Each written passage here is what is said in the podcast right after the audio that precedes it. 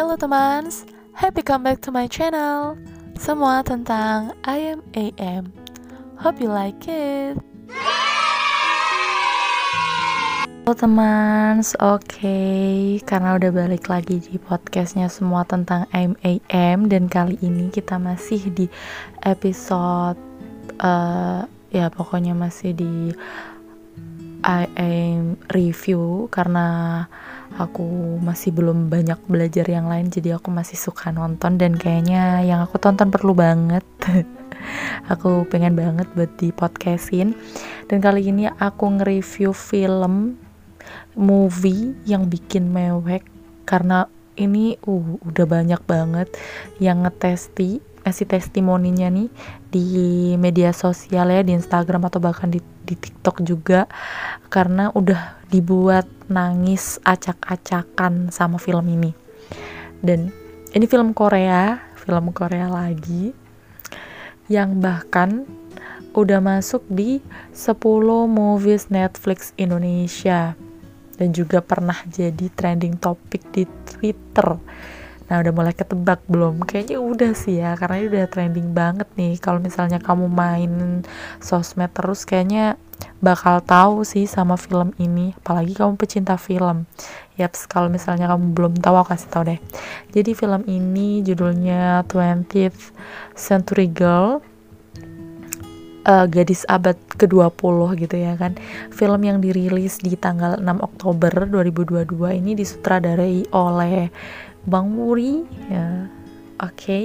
Jadi film ini berlatar belakang tahun 1999 ya. Mungkin ini bakal relate banget sama para uh, listener aku yang lahir di tahun 99 eh lahir di tahun sorry yang tumbuh dan masa remajanya di tahun 99 bakal relate banget sama film ini karena gimana ya kita aja yang anak ya mungkin aku ya yang lah anak hmm, abad 21 itu aja tuh kayak udah ngerasa ya ampun berat banget gitu. Jadi anak abad ke-20 gitu kan ya. Aduh gitu. Nah film ini tuh dibintangi sama aktor dan aktris topnya Korea. Jadi ini kan film latar belakangnya tahun 99 gitu ya. Tapi ini plotnya tuh mundur. Jadi ada yang di tahun ini juga gitu. Ada yang di tahun 2002 ini. Terus juga kayak nyeritain zaman dulunya gitu. Zaman dulunya di tahun 99 nah artis ak uh, aktris dan aktornya siapa aja sih gitu. Nah di sini ada Han Yoo tahu banget ya dia pemerannya apa ya, yang terkenal ya Way to World itu. Banyaklah filmnya atau drakornya Uni Han Yoo ini Nah, ini memerankan sebagai Nabora dewasa. Terus ada Kim Yoo Jung uh, yang memerankan sebagai Nabora di remajanya ya. Jadi dan for you guys untuk teman untuk teman di sini perlu tahu nih Han Yoo sama Kim Yoo Jung ini sebelumnya udah pernah main drama Korea bareng.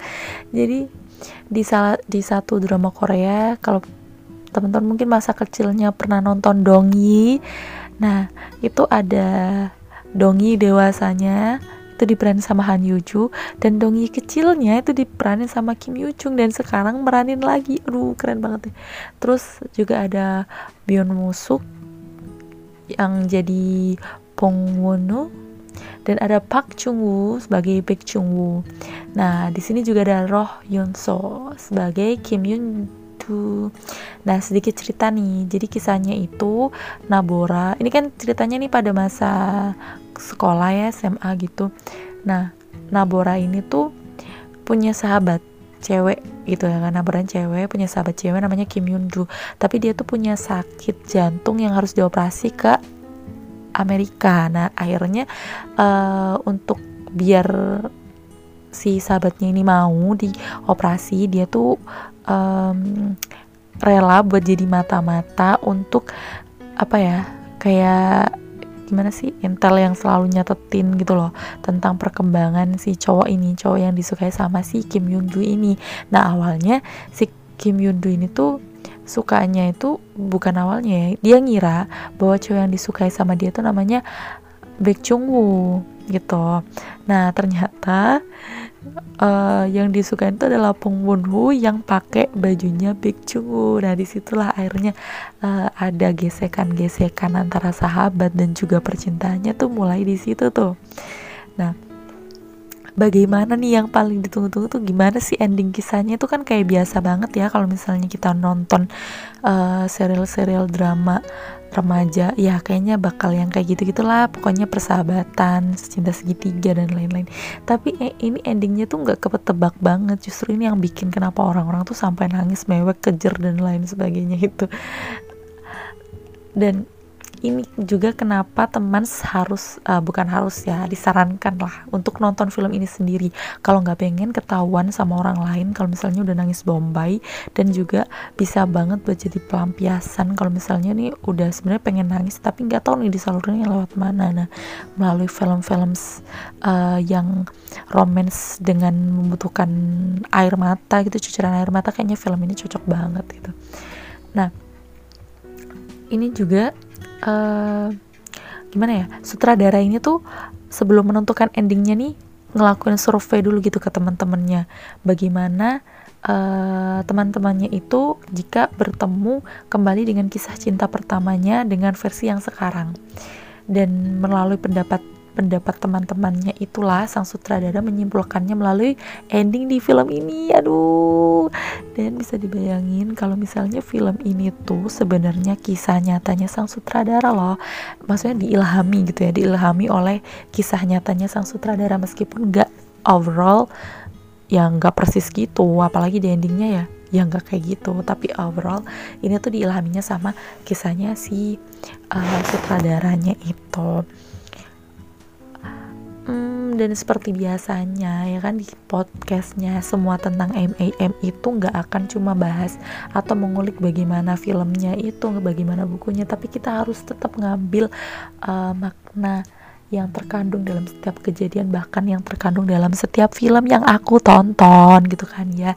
Nah, kita di sini bisa ngambil beberapa poin yang menurut aku itu tuh penting banget gitu di film ini. Yang pertama komunikasi. Lagi-lagi komunikasi itu penting karena apa?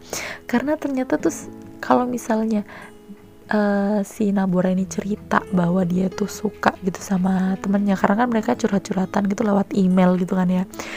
Tapi dia tuh nggak pernah cerita kalau misalnya dia tuh suka sama cowok gitu. Seandainya dia suka sama cowok dan dia cerita mungkin uh, gak akan terjadi miskomunikasi gitu. Meskipun emang awalnya udah miss Nah, kemudian yang kedua itu ada jujur. Ya nggak salah Nabora juga sih, tapi sebenarnya ya cewek yang satunya tuh juga nggak cerita kalau misalnya dia tuh salah orang gitu. Ah, komunikasi sih penting ya. Dan yang kedua itu jujur. Jujur sama perasaan kita sendiri, jujur sama apa sih yang sebenarnya kita rasain, jujur sama orang yang kita sayang nah itu tuh penting banget ya guys ya bayangin kalau misalnya dia telat jujur telat menyadari dirinya telat telat menyadari perasaannya. Aduh bakal jadi kayak gimana gitu kan ya bakal nyesel banget gitu. Terus yang ketiga itu jadi diri sendiri karena ada part di mana Nabor ini kan agak-agak tomboy gitu ya guys ya. Agak-agak tomboy gitu kan teman. Jadi dia tuh pernah pengen pakai baju yang feminim gitu-gitu tapi ya nggak bisa gagal karena dia nggak punya bajunya gitu. Tapi ternyata si cowoknya itu tuh lebih sayang eh lebih suka ya karena memang sayangnya si cowok ini tuh karena apa adanya Nabora itu gitu. Jadi kamu so teman yang masih punya rasa insecure atas apa ya dirinya mungkin merasa kurang dan lain sebagainya selagi itu masih baik ya teman kayaknya nggak perlu harus dirubah banyak-banyak deh. Kita berubah lebih baik itu oke. Okay, tapi kalau misalnya harus merubah diri kita untuk apa ya harus harus diterima bagus terus sama orang tuh juga nggak uh, worth it sih menurut aku. Jadi diri sendiri aja barangkali orang yang kita suka itu ternyata suka sama kita karena apa adanya kita gitu loh. Ya kan ya kan? Jadi gimana teman? Uh, udah mulai tertarik tertarik dan penasaran belum buat nonton ini? Kalau udah mulai tertarik dan penasaran terus habis nonton kita bisa diskusi discuss dan lain sebagainya. Uh, jadi follow di Instagram aku ya di im underscore im 1705 dan kita bisa bincang di sana. Dan jangan lupa buat terus uh, dengerin podcast aku. Support podcast lah support podcast aku terus ya teman. Thank you. Terima kasih. Makasih buat dengerin ocehan aku. Dadah